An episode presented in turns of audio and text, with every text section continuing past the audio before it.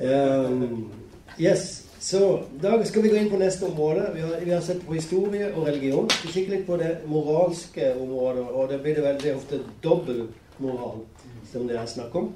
Og vi bare begynner med denne her. Uh, just det.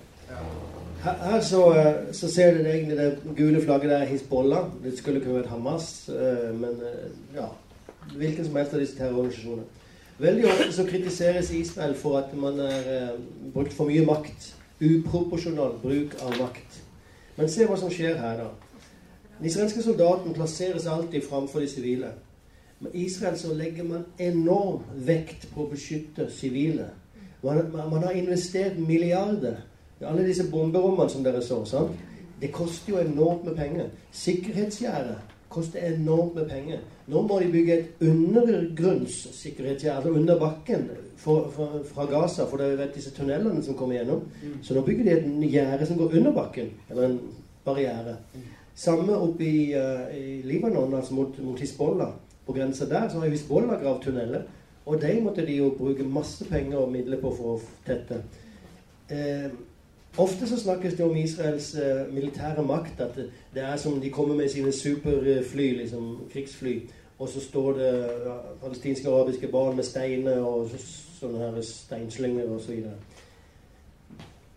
Faktisk så er det jo ikke det. De har raketter osv. Men saken er det at disse her enormt avanserte våpnene som Israel investerer milliarder i Hva er det de gjør for noe? De er så presisjonsaktige. Altså de er veldig eh, presise. Så de kan ta ut eksakt den personen, eksakt den bygningen. Før i tida så, så måtte man jo teppebombe. Man måtte bare slippe liksom bomber overalt. og så Det som går, det går. Men da treffer vi kanskje det vi vil treffe òg. Men disse her våpnene er veldig nøyaktige. Så faktum er at det òg er med på å redde liv på den arabiske sida. Israel bryr seg mer om å redde liv på den arabiske sida enn Hamas gjør. Israel dere kjenner jo til det her, man sender ut flyveblad, slipper ned flyveblad og sier denne bygningen her er et lager for Hamas. Den kommer til å bombes om et kvarter. Dra. Man, får, man sier fra på forhånd. Man har en metode som man kaller for knocking, altså man banker på. Og da sender man en liten eksplosjon, en liten, uh, liten bombe, som bare banker på taket. Skaper ingen stor skade. Men da skjønner folk ok, nå må vi komme oss ut herifra, for nå, nå er denne bygningen går den snart i lufta. Eh, Israel eh, For eh, i november så hadde jeg privilegiet å høre på en som heter Gal Hirsch. Eh, han ledet den israelske armeen i krigen mot, mot Hizbollah i Libanon i 2006. Og vi sto akkurat ved, på grensa mot Libanon på en høy, høyde som heter Miskav Am, og kikka ut over Libanon. Og han forklarer Alt du ser framfor deg her, det var jo i hendene på Hizbollah, og det er fremdeles i hendene på Hizbollah. Men da vi gikk inn der, så sendte vi inn fotsoldater. For vi vil ikke skade de sivile. Vi skulle kunne bombe det hele fra lufta, men du risikerer flere liv når du gjør det. Så vi sendte inn våre egne soldater og risikerte de isteden. Dette er Israels måte å jobbe på. Se her. Denne soldaten risikerer sitt liv fordi han beskytter barnet. Men se hvilket dilemma han står overfor. Hvis han, hvis han skyter, så risikerer han å treffe sivile. Hvis han ikke skyter, så blir han skutt. Og den blir skutt. Altså, hvilket dilemma man står i. Så når man da kritiserer Israel for uh, militært maktmisbruk, uproporsjonal bruk av makt, hva er det man da ignorerer for noe? Den komplekse situasjonen og de reelle fakta. At det er faktisk veldig komplekst. Det er veldig lett å kritisere her, om, han, om, han, nå skyter. Men si hva han skulle gjort i stedet, da. Er, det noen her ute fra vestverden som sier ja, men hvorfor gjør dere ikke heller sånn? Har de noen bedre løsning? Nei. For det fins ingen Altså, Israel er jo best i verden på dette her. På å drive moralsk krigføring. Men uansett så blir de kritisert for uproporsjonal bruk av makt. Man tenker seg hva, hva er proporsjonalt? Om det, det, kastes steiner, eller om det skytes imot meg, skal jeg kaste steiner tilbake? Hva, hva, er proporsjonalt for noe? Hvis det skytes en rakett, hjemmelagd rakett imot meg, Må jeg lage hjemme eller rakett og skyte tilbake, da? Hva er proporsjonalt? Proporsjonalt er det som gjør at det blir slutt på trusselen med minst mulig skade. Det er det som er proporsjonalt. Og det er det Israel holder på med hele tida. Man må kunne få slutt på angrepet. Ellers så har du ikke vunnet noen ting. Ok. FN, skal snakke litt om FN og de sin dobbeltstandard. Og bare ta noen eksempler som uh, kanskje du kjenner til, uh, men uh, det sjokkerer uansett. Det fins noe som heter FNs råd for menneskelige rettigheter, United Nations Human Rights Council. det her er jo et råd som skal se over hele verden. Og så skal de sjekke hvor er det brudd på menneskerettigheter i hele verden. Og når de kikker utover verden, så finner de ut at Israel er ansvarlig for 40% av alle brudd på menneskelige rettigheter. Det pleide å ligge på 60-70% men da trakk USA seg ut av det her rådet og sa nei, så lenge dere holder på på denne måten, så kommer ikke vi til å være med.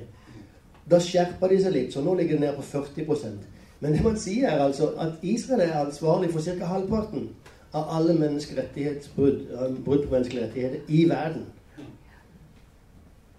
Man ser at det her er en dobbeltstandard. Israel dømmes på en helt annen måte enn andre. Um, FNs generalforsamling I årene 2012 til 2017 så gikk 83% av alle de sine resolusjoner som var retta mot en spesifikk nasjon, mot Israel. Tenk på det. 83 da, da, altså, Om en person hadde landa fra Mars liksom, og, og, kommet inn i FN, så hadde han skjønt det. det, det han hadde forstått at denne Israel er det verste som skjer på, denne jorda, på denne planeten. Det er det verste stat. Alle er, er, liksom imot Israel. Og så hadde han gått ut og så hadde han sett noe helt annet. Nå, nå fins det vel ikke noen på Mars, men uansett. Um, UNESCO der kjenner du igjen det er denne FN-organisasjonen som er ansvarlig for disse verdensarvplassene eh, rundt i verden, og for, for utdannelse osv. Og, og de 100% av alle de sine resolusjoner rettes mot Israel. Altså, For de lager egentlig ikke resolusjoner, foruten ett tilfelle. Og det er alltid mot Israel. De har permanent ca. ti stykker som kommer igjen hvert år.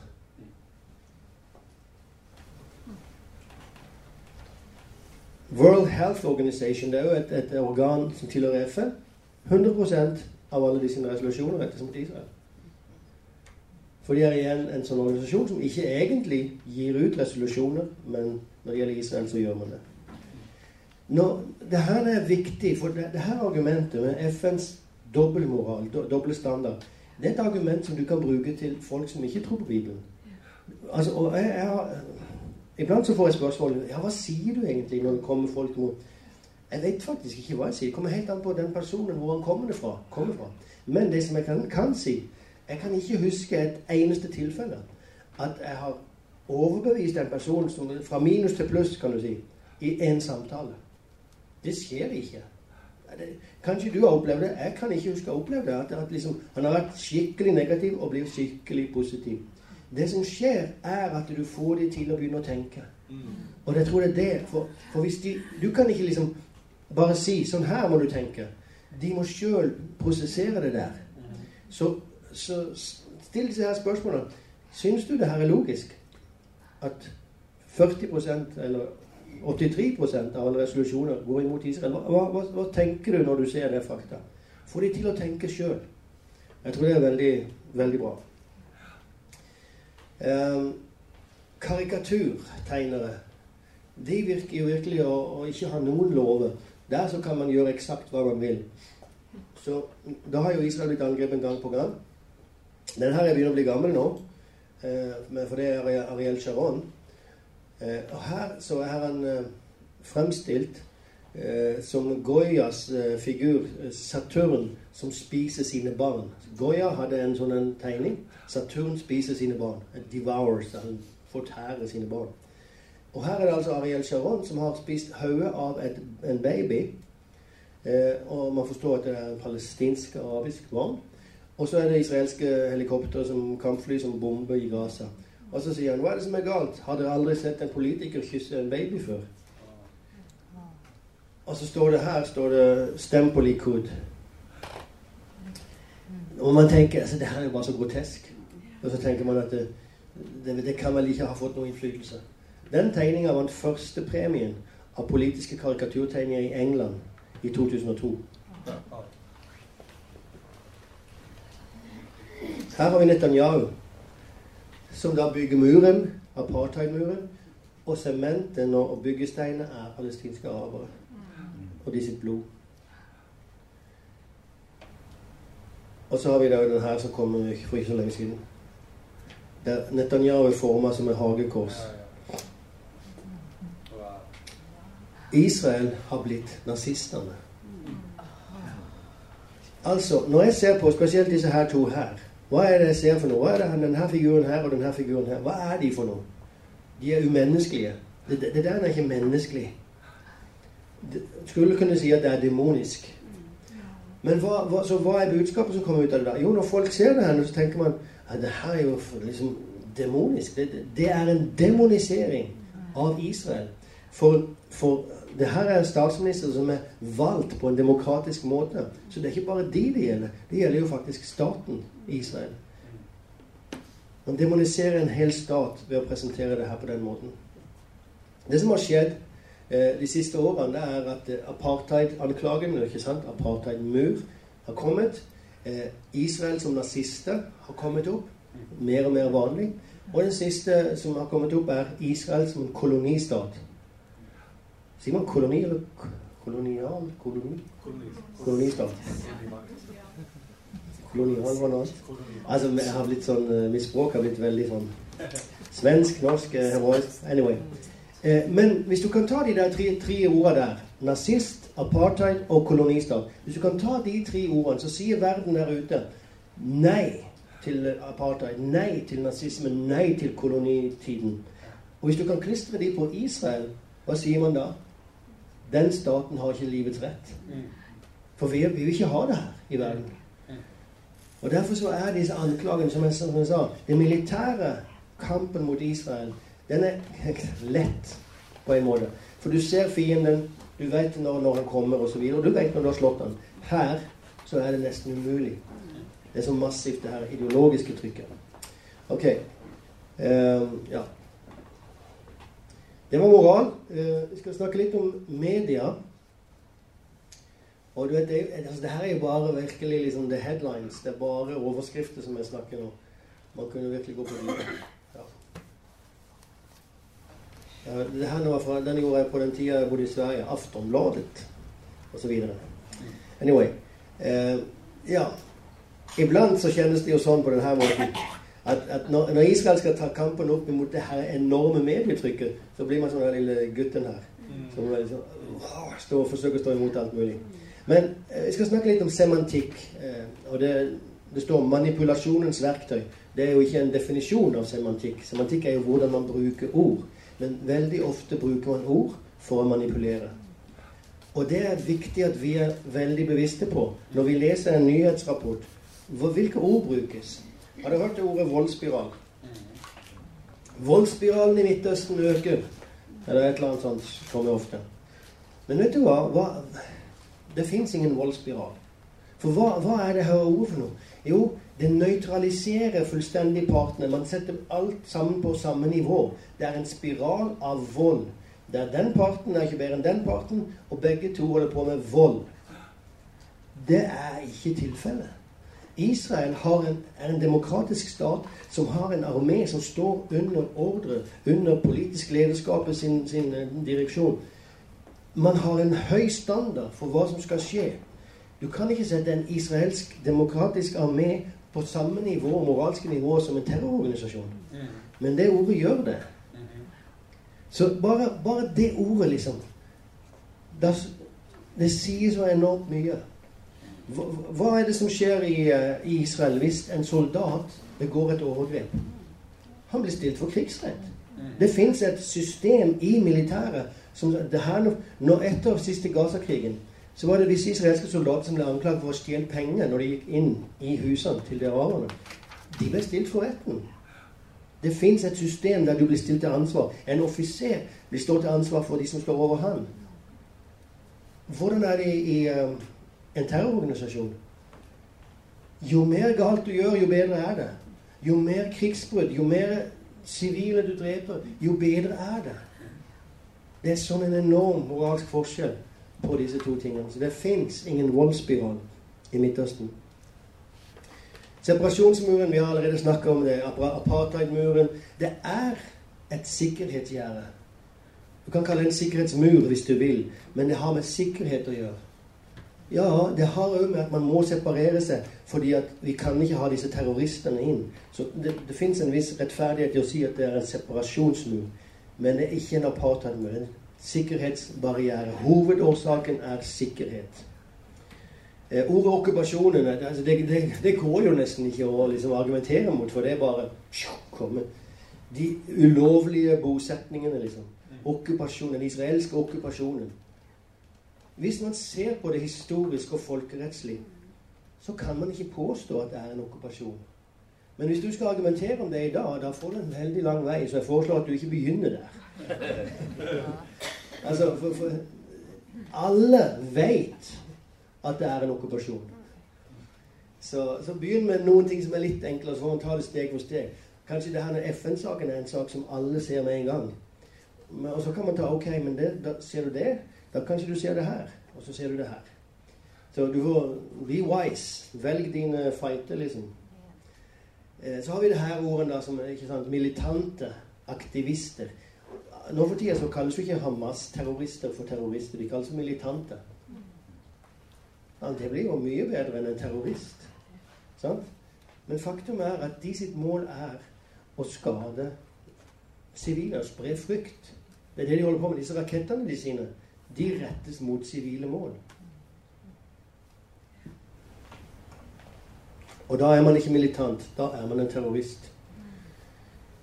Ordet Palestina Eh, og dere vet dette, for dere har hørt eh, masse budskap om bruken av det ordet, hvordan det oppkom osv. Eh, men når man bruker det navnet, så sier man jo veldig tydelig at det her ikke er Israel. Det her er noe annet. Og vi vet at eh, Jeg skal ikke gå i detalj på det ordet. Jeg regner med at dere har hørt eh, bakgrunnen til det. Og sammen med palestinere. Men jeg skal kanskje når det gjelder palestinere, der, der har en viktig sak å si. La meg dra historien fort. ikke sant? Det var keiser Hadrian som kom opp med navnet Palestina på andre århundre, andre århundre etter Kristus. Um, faktum var at det fantes litt før. Grekerne brukte det faktisk. Men formelt så, så, var det liksom ikke en geografisk region. Formelt så settes det av keiser Hadrian år 135 etter Kristus. Og han setter det navnet fordi at det, minner, eller det kommer fra filistere filistere som var Israels verste fiender. Okay? Så han ville virkelig utslette den jødiske koblingen til landet. Han kaller det Palestina. tar bort Judea. Og sammen med Jerusalem Han kaller Jerusalem Aelia Capitolina. Ta bort det jødiske. Han nekter jødene å komme inn i Jerusalem. Så hele hans agenda, keiser Hadrian, det var å kutte koblingene mellom jødene og landet. Og så går årene som, som de går, og muslimene liker jo ikke egentlig det her navnet Palestina. Vi kan ikke engang uttale det fordi det, det, begynner med en P, og det, da, det, da, blir det B for, uh, på arabisk. Eh, så, så det, er ikke, det, er jo ikke, et arabisk navn. Men, så de liker det ikke, og de anser det hele som Syria. Ok, Men så kommer vi fram til moderne tid. Og så har vi navnet kommet tilbake igjen. Europeerne som plukker det opp igjen. Uh, og så kalles det Palestina da på 1800-tallet, 1900-tallet osv. Uh, for europeerne li, liker det navnet. da. Um, og så kommer vi fram til det her spørsmålet med palestinske arabere, palestinere. Og vi vet at eh, på 1920-tallet, 1930-tallet, 1940-tallet så fantes det ikke palestinere. Okay, det fantes ikke et folk som hette, kalte seg palestinere. FNs delingsforslag Jeg regner med jeg taler til I'm speaking to the choir. Jeg mener, du kan det her. Eh, FNs delingsforslag fra 1947 da de tok til orde for opprettelsen av en jødisk stat, så sa de opprettelsen av en jødisk og en arabisk stat. Ikke palestinsk. Det fantes ikke palestinere på den tida. Så det her med et palestinsk folk oppkom på 60-tallet, 70-tallet. Da begynte man altså PLO, Palestinian Liberation Organization. ble jo etablert 1964. Så da begynte man å bruke det her mer og mer. Og man gjorde det bevisst som et våpen mot Israel. Brukte man denne termen. Men, og nå kommer det viktige poenget i alt det her. I dag, hvis jeg går ut her, så kommer jeg til å finne en person som er palestiner. Som, som kaller seg Jeg er palestiner. Jeg kommer fra Palestina. Og vet du hva? Da respekterer jeg det. Fordi identitet er noen ting som skapes over tid. Det har ikke alltid funnes nordmenn. En gang på 800-tallet, 700-tallet, så fantes det ikke nordmenn. Så kom vikingene, og så liksom, til slutt så forma de et rike, og de kalte det Norge. Og så ble det en norsk identitet. Det er en sak som utvikles over tid. I dag så er det en hel generasjon som har vokst opp, og hele tida fått vite det at vi er palestinere. Og saken er den at de som i dag kaller seg palestinere, de har en historie som går tilbake ca. til 1948 og 1967. Um, der de sin identitet har blitt forma fordi at de ikke ble tatt imot i de arabiske landene. De, ble flyktninger. Og så måtte de fly til Libanon og til Syria, Jordan og andre land. Det eneste landet som tok imot dem, var Jordan. Men i de andre landene så ble de integrert i flyktningleirer. Og de ble holdt der bevisst. Men det betyr at pga. det De ble ikke integrert. De ble ikke sett som libanesere. De ble ikke sett som syrere. Da oppstår denne egne identiteten, som da de kaller palestinere. Og Derfor så jeg, jeg syns det er viktig når du møter en person Ha alltid respekt for personen. Så kan, behøver du ikke holde med liksom, bakgrunnen og det historiske. Men du skal, altså, hvis du skal nå en person, så må du virkelig liksom, Du må ha respekt for det. Så eh, jeg, vil, jeg, vil, bare si det, for en del kristne blir veldig harde liksom, mot palestinske arabere. Det fins ingen grunn til det. Vi, det at vi respekterer personen og aksepterer personen, betyr ikke at vi respekterer og aksepterer historien bak. Gud elsker alle mennesker, også palestinere. Jeg, jeg, kaller, alltid, jeg kaller de alltid palestinske arabere, fordi at de er arabere. Og da, da, da har man det. Men ok. Det, det, er bare viktig for meg, så at vi ikke liksom havner i, i ei grøft. Ok. Uh, Al-Aqsa I dag så brukes det her navnet om tempelplassen. Hele tempelplassen. Men for 20 år siden så bruktes det bare om selve Al-Aqsa-moskeen. Du vet, Oppe på tempelplassen så fins det flere moskeer. Den største av de heter Al-Aqsa. Men så de siste 20 årene så har de begynt å kalle hele tempelplassen for Al-Aqsa. Hvorfor har de gjort det? Fordi da mener man at hele tempelplassen er en moské. Og derfor, når du, ikke muslim, kommer inn der, så må du oppføre deg deretter. Så disse her reglene for hvordan man skal kle seg, har blitt striktere og striktere. Og eh, motstanden mot folk som kommer opp som ikke er muslimer, har blitt større og større. Man liker ikke at det kommer ikke-muslimer på tempelplassen. For man definerer nå hele altet som en moské. Det interessante er jo bare det at i den moskeen så spilles det fotball. Ungene spiller jo fotball der oppe. Jeg har sjøl vært med og spilt fotball. Og, og, de har barbecue parties eh, der oppe. Så, så det, det, er klart, de, de, har et problem. Men verdenssamfunnet eh, bruker det her hele tida nå. De kaller det Al-Aqsa. BBC er eksperter. Det, det, er de som går først nesten i alt. Og så bruker de det her navnet. Og tempelplassen hører de nesten aldri lenger. Bruk av ord er veldig viktig. Bosetning er bare nevnte det veldig kort, men det er jo jødiske samfunn vi snakker om. sant? Så fort du hører ordet bosetning, så tenker du illegalt, illegalt. For det er det som når, når politikerne våre snakker om det, de illegale bosetningene. Så, men det er et jødisk samfunn. Um, og så har vi det her, da, Vestbredden. Det er jo et forsøk på å kutte koblinga til Israel. Vestbredden er jo Judea og Samaria. Det bibelske Judea og Samaria. Men hvis du kaller det Judea og så sier du 'jøde har ingen adgang der'. Jøde har ingen rettigheter der. Det funker liksom ikke. Jøde og jødeer, de henger sammen. Så kaller man det Vestbredden, så blir det så mye enklere. Og derfor så er det veldig politisk lada å kalle det Vestbredden. Sammen med Øst-Jerusalem. Ehm, vi her hjemme kan ofte ha en tendens til Ok, hvis de nå krangler om Jerusalem, hvorfor kan de ikke bare liksom dele det, da? Tjukk. Vest-Jerusalem til jødene og Øst-Jerusalem til araberne. Vi er, vi er så praktiske her. Men vet du, hvis, det, hvis man gjør det, hva er det som skjer da? Alt det bibelske havner hos araberne. Det fantes ingen Vest-Jerusalem før 1860. Det var da det første huset begynte å bygges utenfor gamlebyen. Når vi snakker om Øst-Jerusalem, så snakker vi om gamlebyen hovedsakelig. Så Betestadammen, Siloadammen, Oljeberget, Getsemane, Tempelplassen Alt som du leser om i Bibelen, ligger i Øst-Jerusalem, såkalte Øst-Jerusalem. Hvis jødene ikke har rettighet dertil, hvor har de da rettighet? Så igjen vær obs på bruken av ord. Jeg tror jeg skal bare skippe denne her.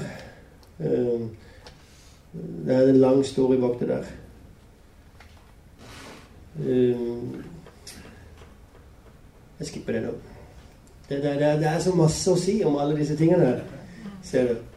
Dette er en viktig sak. Um, realpolitikk. Altså vi snakker om politikk nå. Nå kommer vi inn på et nytt område. Uh, og, og, veldig ofte så tvinges Israel til kompromiss som setter liv i fare. Uh, disse her, Det er jo en sjekkpost, ser du. En veldig midlertidig sjekkpost. Men det her er Israel nødt til å sette opp fordi at de må finne terrorister. Så da må de ha disse sjekkpostene og se er du terrorist, eller du, liksom, kommer du med en bombe, osv. Verdenssamfunnet sier hele tida dere må ta bort sjekkpostene. Og Israel sier ja, men når vi tar bort sjekkpostene, da slipper terrorister igjennom. Da dør jøder. Da dør israelere. Det er ikke bare jøder, det er faktisk araber også iblant som dør. Israelske arabere. Ja, det spiller ingen rolle, for de, de må kunne bevege seg fritt, de palestinske araberne. Og det er så veldig lett å sitte her og si det når du ikke behøver betale prisen sjøl. Du risikerer ingenting sjøl. Og du legger all risken på jødene. Sånn fungerer politikken i dag. Eh, sammen med når man, når man, sier at Israel må overlate territorier, som f.eks. det her området, Judea Samaria, der man nå vil at det skal være en palestinsk stat.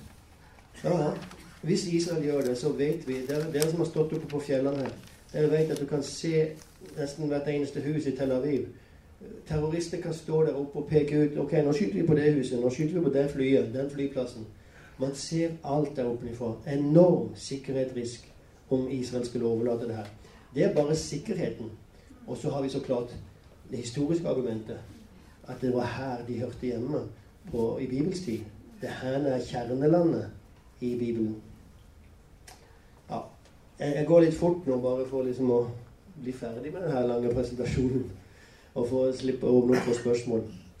Eh, en annen sak som Israel eh, tvinges til, er å underskrive avtaler med de som ikke erkjenner Israels rett til å eksistere. Altså Oslo-avtalen. Nå, nå, var det jo israelere som var med på det her. Men altså, Israel går jo med på en del ting derfor de har ikke noe valg. Det fins et sånn enormt internasjonalt press mot dem. Så man har underskrevet avtale med en kar som har sagt veldig tydelig at han anser ikke Israel for å være legitim. Han anser at Israel er Palestina. Både han, Yasser Arafat, og han, Mahmoud Abbas, sier samme sak. Skal se det snart. I Fatahs charter, altså som, som de her to leder, så står det den væpnede kampen avsluttes ikke før sioniststaten er eliminert og Palestina er fullstendig fritt. Og hva er Palestina? Jo, de har det i en annen paragraf. Jeg vet ikke om jeg har tatt med det. Nei. I en annen paragraf så står det definert hva er Palestina for de? Jo, det er det britiske mandatet. Altså hele Israel. Og det ser du på de sitt emblem, at hele Israel er på kartet. Det er ikke bare Vestbredden der. Det her står fremdeles i Fatah sitt charter. Fatah er altså organisasjonen som han leder i dag. Han starta på 60-tallet. Her så har vi et sitat fra 11.2.2020. To sitater, så det er jo helt nytt. Og Da sitter Mahmoud Abbas i FN og sier følgende i 1993 signerte vi Oslo-avtalen, og vi holder oss til Oslo-avtalen med alle dens detaljer og alle dens paragrafer. Vi har også anerkjent Israel, og Israel har anerkjent oss. Vi anerkjenner Israel i Oslo-avtalen. Med andre ord, alt er bare bra. Vi har anerkjent, alt er ok. Samme dag, i palestinske selvstyre, så sier hans assisterende leder Mahmoud al-Alul dets begynnelse er fra Galileas håndtak, altså med Tulla og Søro, til Um al-Rashrash. Dette er Palestina. Altså fra Metulla til Eilat.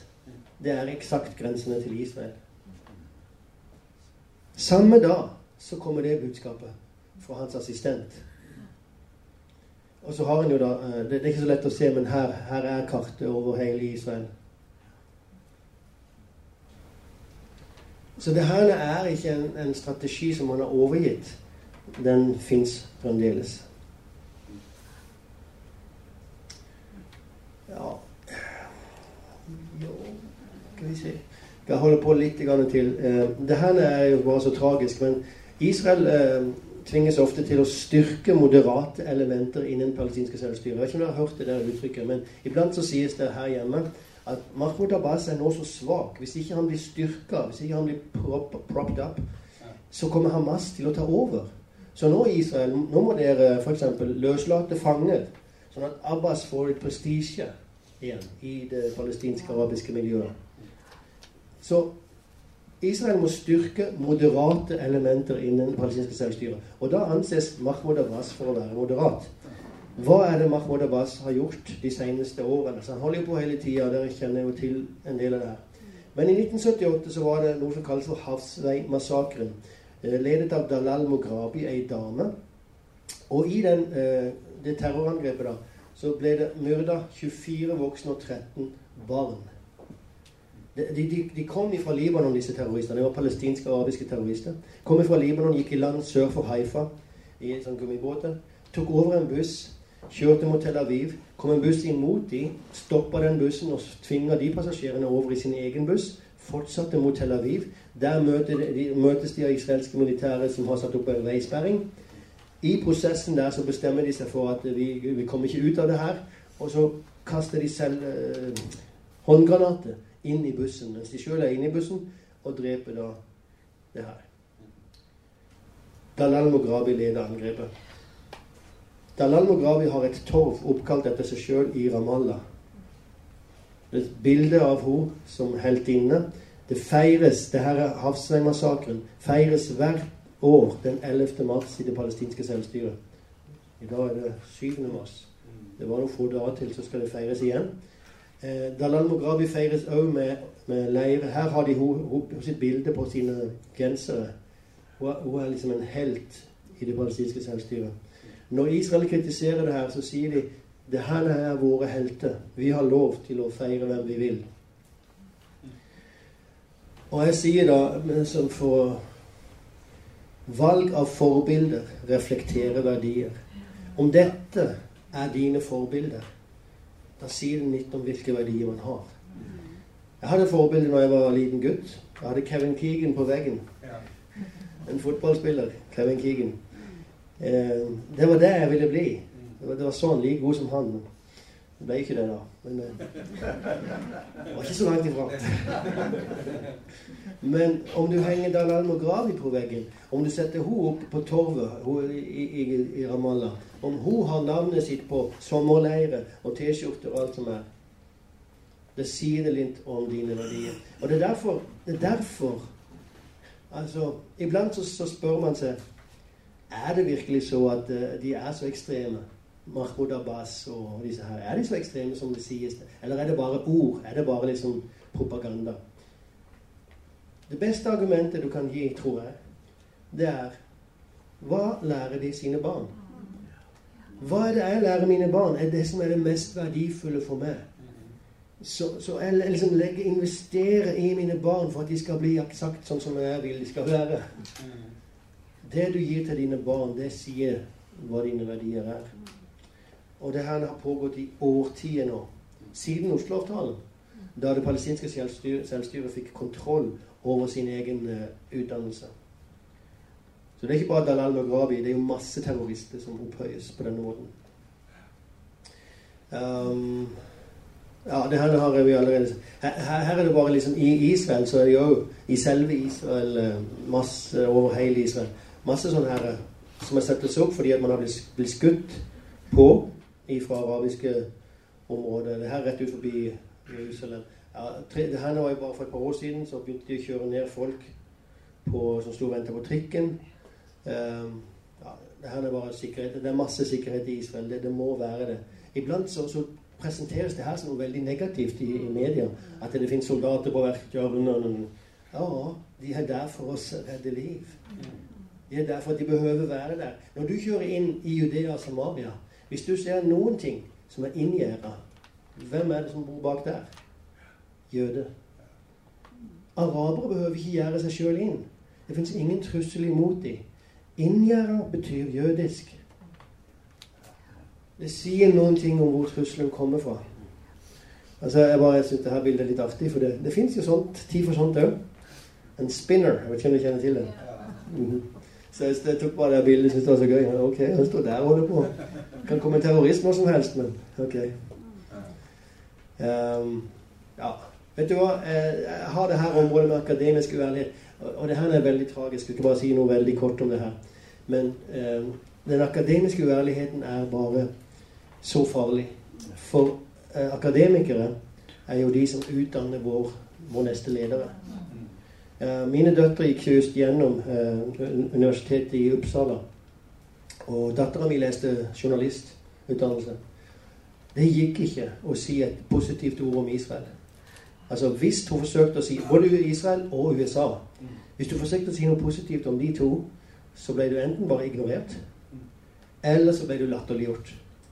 Men argumentet som du førte fram, ble aldri bemøtt.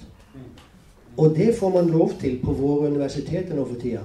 Altså, Det er helt akseptabelt. Du behøver ikke bemøte argumentet som forsvarer Israel, for Israel har feil by definition, altså i utgangspunktet. Sånn har det blitt i, i vår akademiske verden. Og jeg vet jeg frykter hva det kommer til å lede til. Så eh, ok um, Ja, det er masse ting å ta her som kunne vært sagt. Ja, just det. Det her er, det her er bra. Det, det her er viktig. Direkte konsekvenser av det her massive trykket mot Israel er at jøder og deres venner er ikke lenger trygge på gater og torv. Jeg pleier blant å ta denne flagg, flaggtesten. Og så spør jeg folk Hvis du, med tanke på din egen sikkerhet Først skulle du tenke din egen sikkerhet. Hvis du da skulle gå ut på et torv her i, i, i, eh, Trondheim, hvilket flagg ville du ikke tatt og vifta med? Og det sier en del. altså Det, det fins sikkert noen flagg som er på linje med de israelske, som er kanskje like, like farlige.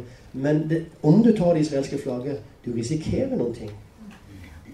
Og, og, hva sier det om samfunnet vårt? Jo, altså vi er ikke trygge på gater og torv. Betyr det at det skal være stille? Definitivt ikke. Ja, det her har vi snakket litt om. Det fins en syrisk forfatter som sa sånn så her. For her ser du hvilke demonstrasjoner er det som må beskyttes pro-israelske demonstrasjoner må beskyttes. Det er et stort politioppbud når det finnes en pro-israelsk demonstrasjon. Når det finnes en pro-palestinsk, behøves ingen beskyttelse. Og Da så er det en syrisk forfatter som sier følgende Jo svakere en idé er, jo voldeligere er dens tilhengere. Han er en syrisk opposisjonsfigur. Jeg syns er veldig veldig vis uttalelse. Eh, konklusjoner. Når det gjelder historie, jødiske bånd til landet Eretz Israel kuttes. Når det gjelder religion, jødene har utspilt sin rolle. Det fins ingen plass for de lenger. Når det gjelder politikk, Israel ofres til fordel for stabilitet, innflytelse og finanser. altså realpolitikk. Når det gjelder moral, den jødiske staten umenneskeliggjøres, okay? demoniseres. Når det gjelder media, Israels synspunkter undermineres, og staten stilles i vanry. Og når det gjelder akademia, intellektuell støtte, gir denne propagandaen en form for legitimitet. Hvis du kan si det at ja, det er doktor so and so på det her universitetet som sier samme sak, da ok, da så. Så um, det, jeg sa at det her budskapet er ganske tøft og tungt, men jeg tror det er så viktig at vi vet det, og at vi setter det i sammenheng med kampen som pågår. Eh, jeg pleier ikke ofte å snakke om den åndelige kampen når jeg snakker med, med ikke-kristne. Og jeg snakker veldig sjelden om det faktisk òg med, med kristne. Men den fins.